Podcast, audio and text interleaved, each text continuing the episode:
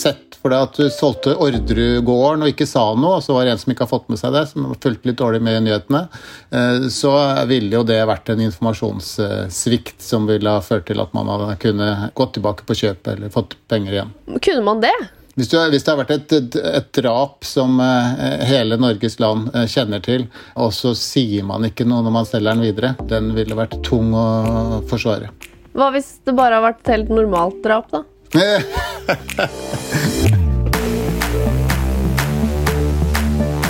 Velkommen til en ny episode av Voksenpoeng med meg, Nora Rydne, journalist i E24. I denne episoden om boligsalg har vi kommet til at du faktisk har solgt. Og da skal jo alt bare være fred og fordragelighet. Eller ikke nødvendigvis, dessverre, for ganske mange. I denne episoden skal vi snakke om hva som skjer etter salget, hva du må passe på å ha i orden, og hva du gjør hvis det kommer en klage. Med meg i dag til å snakke om det har jeg deg, advokat og spesialist på bl.a. boligtvister, Ola Fehn i Forbrukeradvokatene. Velkommen. Takk for det. Og så er du eh, med oss i dag, jurist og administrerende direktør i Eiendom Norge, Henning Lauritzen. Velkommen til deg òg. Tusen takk. Vi kan begynne fra starten her. Hva skjer når noen har vunnet budrunden? Det aller første som skjer når man har vunnet budrunden, det er at man får en skriftlig eh, bekreftelse på at selger har akseptert budet. Og så får man som neste trinn et akseptbrudd. Og så er det da normalt at man kalles inn til kontraktsmøte. Nå Under korona så har det ikke helt sjelden skjedd digitalt, men eh, vanligvis så, så, foregikk det da fysisk i gamle dager. Så kommer man, man underskriver kontrakten etter at den har blitt gjennomgått. Og hvis man da ikke har avtalt overtakelsesdato, som man forhåpentligvis har gjort i, i den foregående prosessen, så må man også uh, komme til den. Og så er det veldig ofte sånn at selger da må i, bank, i gang med å jobbe med banken for å forberede uh, betalingen av de pengene banken da normalt skal, skal komme med. Ikke sant. Og så får man, hvis man er så hvis man er så heldig å bli invitert til megleren, så får man sånn glansete papirer med masse, masse flotte, flotte, ting da, i en liten mappe. Men det skjer jo ikke så mye digitalt. Så, så, men vanligvis så får du litt sånn ekstra informasjon der, da. Ja, og er vi, Her er det veldig morsomt under korona, for det har blitt veldig mye mindre papir av smittevernhensyn også. Så vi, vi får jo se hvordan det blir når, når, alle er vaksinerte. Da kan det være at uh, det kanskje ikke kommer så mye papir tilbake som det vi så før korona. Men når du er i det møtet, så uh, har du da gått gjennom boligen ikke sant? sammen med den som har kjøpt? Er det riktig, eller skjer det på et annet tidspunkt? Nei, det, det, det kommer senere. fordi uh, selve overtagelsen Altså, man har jo vært på visning og, og, sett på den, men selve overtagelsen den kommer på et senere tidspunkt. Ok. Og den avtaler man i det kontraktsmøtet, eller? Det aller vanligste det er eh, at eh, det avtales i forbindelse med, med budgivningen, eller prosessen rett etter budgivningen. Men hvis man ikke har gjort det, da, så må man gjøre det senest på kontraktsmøtet. Fordi overtakelsestidspunktet det er veldig viktig å få inn i kontrakten. For det er jo liksom det som danner utgangspunktet for når pengene skal betales, og, og faktisk for kjøper når man får boligen. Ok. Så da, før man får pengene av kjøperen, så eh, er det noe man må gjøre, og det er hva? ja, nei, for, for selgers eh, vedkommende så, så, må man jo klargjøre boligen for uh, overtagelse. Og, og så, så, er det jo sånn sett ikke så veldig mye mer selger skal, skal gjøre før overtakelse. Altså, klargjøring det blir jo sånn som å selvfølgelig eh, få ut alt man selv eier som er i boligen og vaske til det nivået som er avtalt med kjøper. og Det, det betyr jo normalt en grundig vaske av boligen. Så dukker det stadig opp spørsmål om man kan sette igjen noe i garasjen i noen dager. og sånn. Det er sånne særavtaler som ofte skaper litt trøbbel. Så det beste er å bare få tømt ut alt sammen og alt klart til overtakelsen. Eh, og rett før overtakelsen så har jo da kjøper gjerne betalt inn penger til megleren eh, og fått bekreftet at de er der, og da er, er det klart for overtakelse. Ok. Og så er det noen sånne greier. Det er noen pro protokollsigneringer og oppgjørsskjemaer og avregninger og greier. Hva, hva, hva er alt det der? Ja, det, det, er en del ting rundt selve overtagelsen. Vi kan bare nevne sånn, Før overtagelsen så kan man si at kjøperens viktigste jobb det er jo å sørge for at eh, pengene er klare til betaling til overtagelsen. For uh, man vil Man bør i hvert fall ikke få boligen hvis man ikke har betalt. Og, og, det er en del formaliteter med dokumentene til bank osv. når det er lån, som man skal gjennom. Men så kommer vi til selve overtagelsen, og, og da er det jo sånn at uh, kjøper og selger uh, går gjennom boligen. Og så er det egentlig sånn at kjøper da må uh, hva skal man si, akseptere boligen. Altså er den sånn man har avtalt? Er det vasket, f.eks., sånn som, som det er avtalt? Eh, og så har vi en, en, del sånne praktiske økonomiske ting. Altså Hvis man f.eks. er i et borettslag eller sameie, så, så, betaler man jo månedlige felleskostnader. Eh, og, og, skjer det et, uh, en overtakelse midt i en måned, så må man jo ha en avregning på det. Samme med strømregninger og en del andre ting. Det er veldig ofte sånn at uh, man, man, får hjelp av megleren til det, men i en del tilfeller så, så ordner man det også, dette også seg, seg imellom, sånn rent praktisk. Det som kan jo skape litt trøbbel, det er jo hvis man oppdager en del eh, ting på denne overtakelsen da, som man har lyst til å tenker at dette kan bli kostbart. Fordi da begynner spørsmål Det kan enten skje på overtakelsen, eller noen ganger så er det selgere som slipper inn kjøperne for å ta Slipper dem inn før overtakelsen for å se nærmere, og så kan det dukke opp problemer. Eh, hvis man oppdager problemer da, på overtakelsen eller da, så vil det jo dukke opp spørsmål om kan eh, kjøperen holde tilbake penger eller ikke. Og det skaper ofte konflikter og kan ende i eh, veldig kostbare konflikter, hvor man til slutt kanskje ender i et dekningssalg og store eh, risikoer og tap for begge parter. Sånn at eh, tilbakeholdelse av penger kan skape konflikter eh, på overtakelsen eller like før overtakelsen hvis man har sluppet inn i forkant. Ok, Så det burde man ikke gjøre som selger? For å si det sånn at det er Hvis en kjøper ber om å få komme og ta et mål av et vindu, så er det jo tullete å ikke si ja til det. Men men, eh, men, eh, full gjennomgang av boligen i forkant vil kunne skape et problem. Og ofte vil meglere eh, fraråde at det skjer, rett og slett fordi man kommer i disse situasjonene. At da er det tross alt bedre at de, man får overtatt, og så får man ta de diskusjonene i etterkant. Og ofte er det jo et forsikringsselskap inne i bildet, et eierskifteforsikringsselskap, som skal ta den diskusjonen i etterkant. Ja, nettopp. Fordi når pengene er overført og sånt, da, da, er det forsikringsselskapet som står for det. Men hvis det ikke har skjedd, så ja, det, det, er jo eh, eh, eh, altså I de aller fleste bolig, boligsalg i dag så er det jo sånn at bolig, boligselger kjøper en, en boligselgerforsikring. Og, og da er det jo blir det en diskusjon mellom kjøper og selger, så er det jo en del tilfeller hvor man løser den på egen hånd uten å involvere forsikringsselskapet. Altså, hvis, hvis kjøperen mener at det er vasket for dårlig, f.eks., så er det ofte sånne ting som det er veldig praktisk å bli enige om en løsning på. Ofte sånn at eh, selger eh, får råd av megler osv. Det er jo småpenger i den store sammenhengen, men er det snakk om større ting, så så vil det da ofte være sånn at uh, dialogen på selgersiden den skjer fra selgerforsikringsselskapet. Mm. Men, men, det er heller ikke uvanlig at det holdes igjen noe. da. Hvis det oppdages noe større ting, så kan det holdes igjen noe. Og så kan det holdes igjen på meglers konto. Blir man enige om at 100 000 blir stående på konto til man har fått sjekket dette, disse sprukne flisene på badet som ikke ble sagt noe om i forkant, f.eks., for eksempel. så, så tar man en runde og undersøker det. Men eh, hvis, du, hvis alt er i orden da, på overtagelse, når er det man skal få pengene? Ja, Det er et eh, godt spørsmål. fordi det er jo sånn at Pengene de skal jo eh, komme til eh, selger eller da meglers konto før overtagelsen. Eh, men så er det ikke sånn at selger får pengene samme dag. Fordi det er normalt ganske mange praktiske ting som skal ordnes. Først så skal eh, kjøper skjøte tinglyses. Eh, og så er det jo gjerne sånn at selger har hatt lån, og, det kan være tinglyst pantedokumenter og andre heftelser på eiendommen. Og da må det ryddes opp i det, eh, sånn at eh, alle, alle gamle heftelser osv. som er tinglyst, de, de, blir ryddet opp i.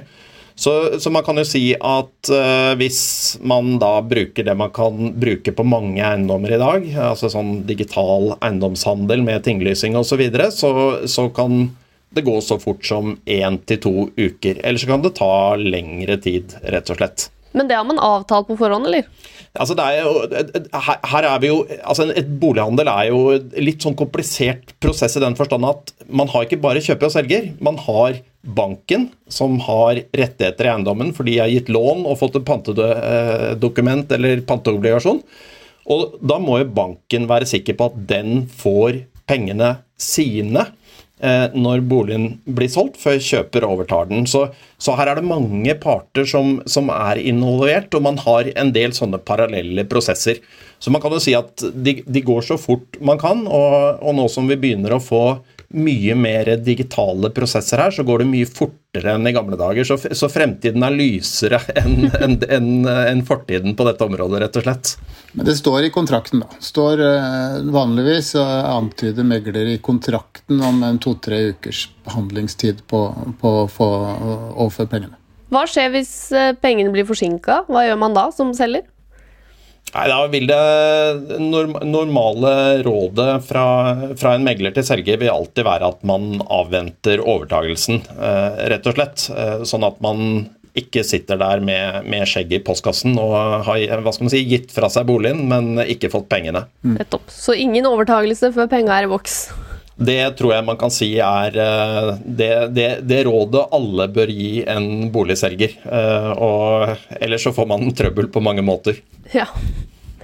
Og når vi er inne på trøbbel, da. Det skjer jo ofte. Eh, det vet vel du alt om, Ola. Hva er det som liksom hva er de mest klassiske tingene som går galt i et boligsalg? Det er jo en del tekniske ting en bolig, da. Eh, mer enn når du kjøper en melkekartong i butikken, i hvert fall. Og da, da er det noe Det typiske problemstillingen som eh, mange opplever ved bruktboligsalg, det er fuktproblematikk av ymse art. Det er så mye som 70% eller sånt som er fuktrelatert. Eh, og Derfor er, finnes det jo noen sånne sjekklister. Jeg har bl.a. en på min hjemmeside, så har jeg reklamert for den òg. Eh, en sjekkliste som man kan gå gjennom som bare for å se akkurat på badet. ikke sant? Badet er et fuktig rom. Er det noe uh, ting du kan kikke på der for å sikre seg? Uh, nede i kjelleren. Uh, drenering og sånne type ting for å se at ikke det blir fuktproblemer der. Så det er et par sånne sjekkpunkter som kan være fornuftig å kikke på. Selvfølgelig på visning, men også på, overtakelsen, da, for å sikre seg best mulig. Men, men fukt er en helt klart stor problemstilling. Det er også andre problemstillinger. Altså, kan ha, det kan være oppgitt noe feil informasjon eller for dårlig informasjon. Eh, megleren kan komme i ansvar hvis ikke han har gjort jobben sin. Eh, hvis megleren kommer i ansvar, så kommer også selger i ansvar, så man kan rette det mot megler eller selger. Men Eh, har f.eks. ikke megleren sjekka det han skulle med kommunen, eller sjekka det han skulle med sameie og fellesutgifter osv., så, videre, så kan megler komme i ansvar. Så det fins ulike ting som, som man krangler om. Og det blir mye krangler, da. Det blir jo krangler i ja, en i hvert fall en 20 eh, av alle boligkjøp er det de vel anslår, disse eierskifteselskapene. Ja. Men uh, her har vi hatt på, det, på, dette området så har det skjedd én ting uh, over tid de siste årene som er veldig bra. og Det er at i, i, gamle dager så hadde man jo normalt sånne hva skal man si, veldig enkle takster over eiendommen. Uh, nå er det sånn at tilstandsvurderinger fra takstmenn eller bygningssakkyndige, som vi skal kalle dem etter hvert, det bruker man mer og mer. Og det er, det er kjempeviktig at det blir brukt, nettopp for, for, at man skal finne ut sånne ting som Ola snakker om, før boligen blir solgt. For det er klart, i noen tilfeller så, så, har, megler, så, har, selger eh, skjønt at det kanskje er et eller annet med den dreneringen som ikke virker så bra. I andre tilfeller så vet selgere ikke selv. Og, og hvis man da får inn noen som undersøker det, og, og, kan løfte opp den informasjonen når man selger, så er det egentlig løst. For da selger man jo med eh, noe som ikke virker bra. Og så får man det, det, på en måte igjen på prisen, men da, da blir det jo ikke konflikt mellom kjøper og selger. Og Fokuset rundt sånne boligsalgsrapporter det eh, blir jo større og større, og det ligger jo også et faktisk vedtatt lov, en vedtatt lov som ikke er trådt i kraft ennå, har ikke begynt å virke ennå, men eh, vil antageligvis komme i løpet av eh, i hvert fall dette året her, må vi regne med. Det har blitt forsinket. Men, men, men det lovforslaget gjør, sier at boligsalgsrapporter skal tillegges mye vekt, og, eh, og eh, gjør en god del endringer i det som vi har krangla om til i dag, om hvor terskelen for hva som er mangler osv. ligger. Så det ligger en god del endringer på gang, som i løpet av året kanskje trår i kraft. Det er jo snakk om veldig mye penger, så man kan jo forstå at det gjerne blir eh, konflikt. Men hvis jeg har solgt en bolig, da, og den er overtatt, og så får jeg en klage fra den som har kjøpt, hva gjør jeg da? Skal jeg liksom skaffe meg advokat med en gang, eller eh, Absolutt. Hvordan går jeg frem? ja, da vil jeg ja. da, Jeg kaster meg frem, Ola. Da, da, da, da ville jeg tenkt eh, For det første, er dette noe stort eller noe smått? Ikke sant? Er det, er det, vasken, så vil jeg si det er noe smått. Da, da ville jeg forsøkt å, å gått inn i det og så tenkt meg om eh, eh, Ja, jeg syns jeg vasket bra selv, men er det kanskje ikke bra nok? Så kan man komme til en eller annen løsning. Kanskje man kan vaske en gang til, kanskje man kan få noen andre til å vaske, kanskje man kan uh, gi, gi et sånt lite prisavslag. Det kan man løse selv. Men er det snakk om større penger? Er det snakk om et bad, som Ola, Ola snakker om osv.? Har man forsikring, kontakt forsikringsselskapet.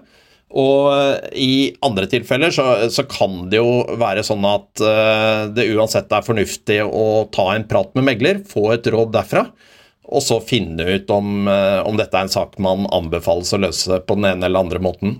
Mm. Ja, for det er jo faktisk sånn at uh de aller, aller fleste selgere bruker denne boligselgerforsikringen, eller eierskifteforsikring, som også det kan hete. Eh, og det er som, det er, jeg tror det er 80 det som tegner den. Og de, av de 20 som står igjen, så er det ganske mange som ikke kan tegne forsikring, for det er næringssalg og nyboligsalg og sånn som ikke passer inn. Sånn at eh, de aller, aller fleste har jo tegnet en forsikring, og det første de gjør, er å kontakte forsikringsselskapet sitt, fordi at forsikringsselskapet vil både være advokaten og øh, kan du si øh, ta de utleggene som kommer øh, dersom det blir noen utbetalinger. Så er det selvfølgelig en bitte liten risiko. Hvis du har vært veldig slem eller uærlig som selger og holdt tilbake veldig mye informasjon, så er det en risiko for at du kan få, få deg en økonomisk smell selv om du har tegnet forsikringen. Men, men i de aller fleste tilfellene så tar forsikringen og løser dette for deg.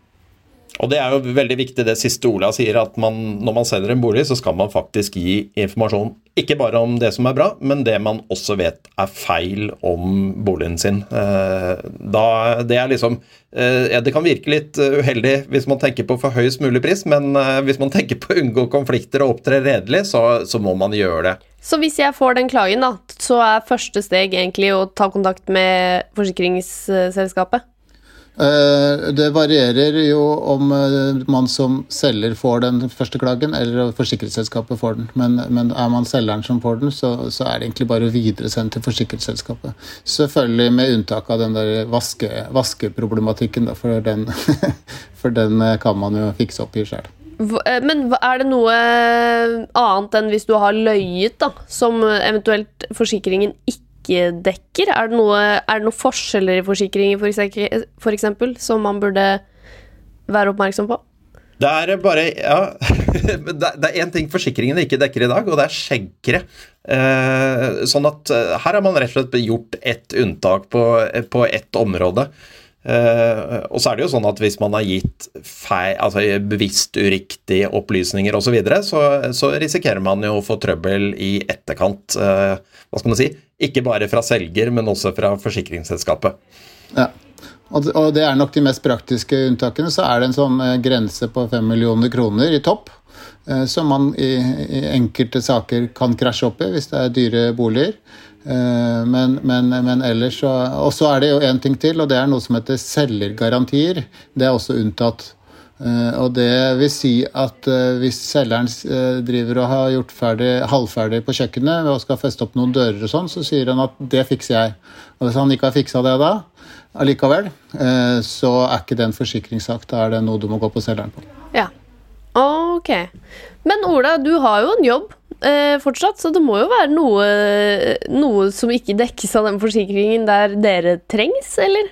Hva gjelder det typisk? Ja, men jeg sitter jo veldig ofte på boligkjøpersiden da, og eh, krever disse penga av folk. Ja, Så du eh, men, plager forsikringsselskapet, du? Absolutt så mye ah. jeg kan. Mm. men, men, vi har jo også på selgersiden en god del saker, nettopp i sånne saker hvor det er holdt tilbake pengesummer, og så klarer man ikke å bli enige om overtakelser, og så en, eh, blir det nytt salg osv. osv. Det, det er derfor jeg sier at det er en litt sånn ubehagelig situasjon for begge parter. For det er så mye penger det er snakk om, og så mye press på partene som det er snakk om. Og så er det vel noen andre saker her jeg har sett, som er hvis det er noen andre som har endret ting liksom mellom, øh, mellom salget og overtagelse At det f.eks. er noen naboer da, som har øh, tatt seg litt friheter og satt opp et gjerde inn på tomta, eller øh, hugget noen trær som de syntes var irriterende, sitt sitt snitt til å gjøre det mens selger var borte, og du får en klage på det, hva, hva skjer da? For det er jo ikke teknisk sett min feil hvis jeg har solgt en bolig, og så har en nabo fucket opp noe imens? Det, det, det, kan jo være din feil hvis eh, det er noe på din eiendom som har endret seg fra, fra, i forhold til det man avtalte. Men i noen tilfeller så behøver det ikke være din feil. Altså Det kan være jo naboen har gjort noe på sin eiendom som er veldig plagsomt for din eiendom. Eh, og da er det veldig viktig hvis man er selger at man videreformidler denne informasjonen til kjøper, eh, sånn når det, når det skjer. For det er jo ting som, som kan hende, det også. Ja da, så det er jo det som er budskapet. Man uh, må være lojale overfor hverandre og fortelle om den type ting. Men uh, i en sånn sak så ville det vært veldig naturlig å grave i, bakover for å se om det er noen Om selger har fått noen tegn på at dette kom til å skje. At dette svære bygget da, som de bygger foran, eller nabo, det svære gjerdet som dekker all utsikten, om det var, lå i en plan som selger har kjent til, eller måtte ha kjent til. For da for da kan vi ha en sak mot, uh, mot selgeren av den grunn også. Men måtte jeg da eventuelt Altså, måtte jeg informert om at by the way, naboen her er litt gæren, så det kan hende at han begynner å hogge trær på din eiendom osv.? Det fin fins faktisk en del artige eksempler på akkurat det der med gærne naboer. Eh, vi har han som drev og tissa f.eks. rundt omkring. Han, det var en dom som gikk på. Og vi har eh, trampolinedom har vi hatt oppover i instansene. Hvor mye bråk disse trampolinene kan påføre en nabo. Så det er mye, mye sprø nabotvister. Og så hadde vi en papegøye, husker jeg også. Bråker papegøyer for mye, eller ikke? ja, men Er det sånn at jeg må informere hvis jeg har en nabo som både tisser på balkongen min, har en bråkete nabo og en veldig bråkete trampoline, må jeg da si det til selger at sånn, by the way, det er mye lyd fra den naboen? Hvis naboen tisser på balkongen din, så må du helt klart si noe om det. Men ellers så er det jo det er liksom sånn, Terskelen er jo hva det er grunn til, altså hva slags opplysninger man har grunn til å regne med å få. Så det, det kan være en litt vrien vurdering i, i sånne grensetilfeller, rett og slett. fordi på den ene siden, som selger, så har man jo eh, et ønske om å få høyest mulig pris. På den annen side så har man en plikt til å gi opplysninger når det kommer over en viss grense. Og det er jo når man er akkurat på den grensen at det kan bli litt vrient. Ja, Så det må være en nabo som er utover det normale, for å si det sånn. Jeg kom på en annen morsom sak som var, var retten, faktisk. Og det var Det er ikke jeg som har hatt alle disse rettssakene, bare så det er sagt. Jeg. Men det var en som mente at det spøkte i huset, så han eh, ville ha prisavslag. Mm. Fikk han det, da? Nei. Men hva med denne naboen som tisset, da? Fikk de noe prisavslag? Det gjorde ikke det, altså. Så det skal litt til? Det, Det skal litt til å få prisavslag, absolutt. Eh, men, eh, men noen type ekstreme ting Sett for deg at du solgte Orderud-gården og ikke sa noe, og så var det en som ikke har fått med seg det, som har fulgt litt dårlig med i nyhetene, eh, så ville jo det vært en informasjonssvikt som ville ha ført til at man hadde kunne gått tilbake på kjøpet eller fått penger igjen. Mm. Kunne man det? Ja, det vil jeg si. Hvis, du, hvis, det har vært et, et, et drap som eh, hele Norges land eh, kjenner til, eh, og så sier man ikke noe når man selger den videre, eh, den, eh, den, ville vært tung å, tung å, forsvare. Hva hvis det bare har vært et helt normalt drap, da? Nei, ikke sant. Jeg, jeg mener jo at uh, en del typer Jeg mener jo drap er så, så, spesielt i seg selv at det bør man, uh, bør man nok informere om. Men ikke sant, så her kommer det noen nedre grenser, selvfølgelig. Uh, hva med det drapet som skjedde for 20 år siden? Nei, kanskje ikke det, men det som skjedde i, i går, ja, ikke sant. Og så er det Men, men det, er, det er noen grenseland her for hva man skal opplyse om, ja. Hmm. Men dere var jo litt inne på det. Hvis det er sånn da at uh, megleren uh, har gjort et eller annet feil, eller takstmannen har gjort et eller annet feil, og så får jeg en klage, går jeg da også til forsikringsselskapet, eller hva gjør jeg da? Det er sånn at uh, at man kan alt som takstmannen har gjort feil. Og for å si det sånn, kanskje nest typisk typiske takstmannsfeilen er å måle arealet feil. Det har det vært veldig mye eksempler på. er en sak som veldig ofte blir ansvarig. Eh, så både hvis takstmannen har gjort feil, eller hvis megleren har gjort noe feil. Og det er ofte fra meglers side så er det mer sånne lovlighetsmangler, som vi ser. Altså de har gjerne ikke ikke gjort jobben sin med å sjekke opp det de skulle kanskje i kommunen. Eh, eller sameie. Det er egentlig de vanligste problemene. Hvis eh, det er noen sånne typer feil, så kan du som kjøper velge å gå enten på selgeren, fordi at eh, han identifiseres med disse to. Eller så kan man velge å ta egen sak på megleren og egen sak på takstmannen. Eh, så må man vurdere litt hva som er fornuftig i en prosess. Da. Hvor mange prosesser skal man ha, og hvor ekstremt eh, Eller hvor dårlig innsats er det fra takstmann og megler. For er det veldig dårlig innsats fra takstmann og megler, så er det naturlig å kjøre en parallell sak mot dem. Mm. Men så hvis jeg får den klagen, da, og så skjønner jeg at ja, ok, men den feilen der, den ante jo ikke jeg noe om heller. Så dette er det takstmann eller megler som uh, har missa. Sier jeg da direkte til kjøper eh, det må du ta med noen andre, eller?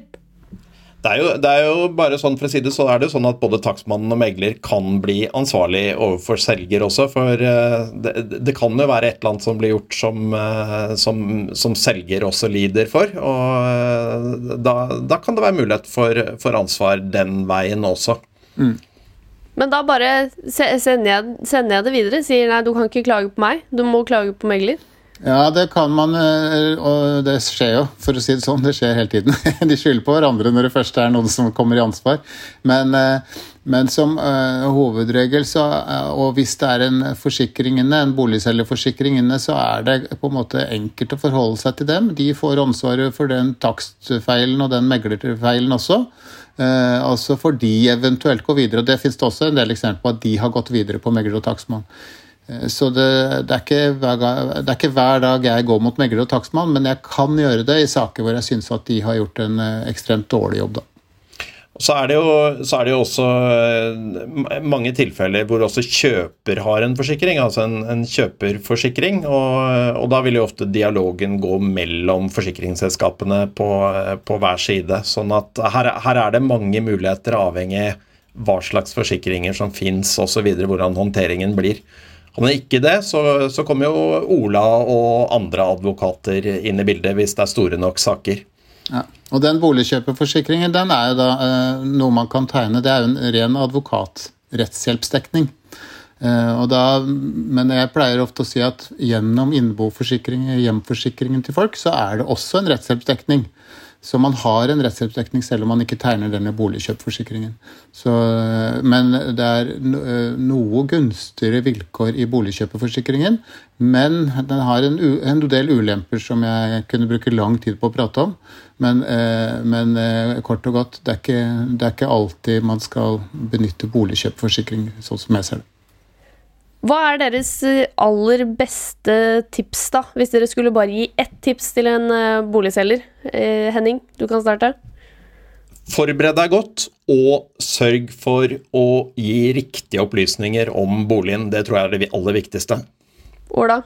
Ja, og da slenger jeg på, det blir kanskje en forlengelse av det Henning sier, men vær ærlig. For er du uærlig, så kan du få en ordentlig smekk på fingrene på. Tusen takk for at dere var med i dag. Ola Fehn i Forbrukeradvokatene og Henning Lauritzen i Eiendom Norge. Selv takk. Takk for det. Takk for det. Produsent i dag, det var Sunniva Glessing. Og hvis du vil se mer innhold fra podkasten som du ikke hører her, så må du gå og følge oss på Instagram. Der heter vi Voksenpoeng med Nora.